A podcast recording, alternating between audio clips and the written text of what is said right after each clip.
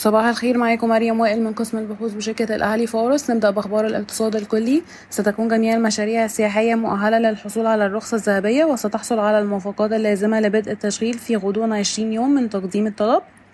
تلقى الصندوق السيادي المصري ثلاث عروض لشراء حصص في شركة وطنية من شركة بترول أبو ظبي الوطنية أدنوك وشركة بترول الإمارات الوطنية إينوك وشركة بترومين السعودية. أبدى عدد من صناديق الاستثمار الخليجية في السعودية والإمارات اهتماما بشراء حصة في بنك مصر الرقمي والحصة المستهدفة هتكون ما بين عشرة وعشرين في المية من رأس مال البنك. تعتزم وزارة البترول والثورة المعدنية طرح مزايدة عالمية جديدة قبل نهاية عام 2023 للبحث والتنقيب عن الخامات التعدينية والمعادن المصاحبة بعدة مناطق بالصحراء الشرقية والغربية.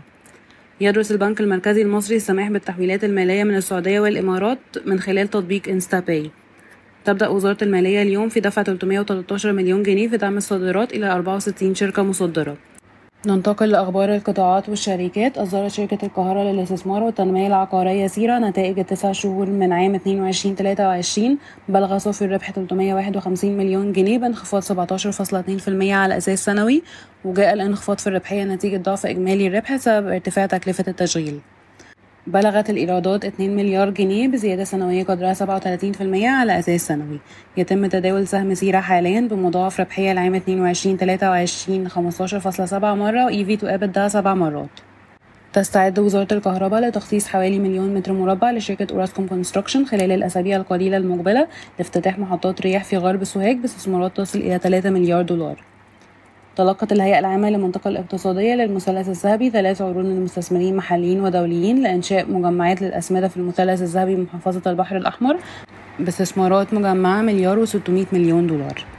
وافق مجلس إدارة شركة مصر الجديدة للإسكان والتعمير على دراسة عرض تم استلامه بخصوص قطعة أرض الشركة التابعة لشركة هيليو بارك. تعتزم مجموعة طلعت مصطفى القابضة إصدار سندات توريق بقيمة 500 مليون جنيه مصري مدعومة بعضوية النادي. وافق مجلس إدارة شركة بي انفستمنت على إبرام عقد تمويل بقيمة 150 مليون جنيه مع بنك الكويت الوطني دون ذكر تفاصيل واستخدامات القرض. وتم تغطية اكتتاب زيادة رأس مال شركة بلتون بالكامل بقيمة 10 مليار جنيه. شكرا ويوم سعيد.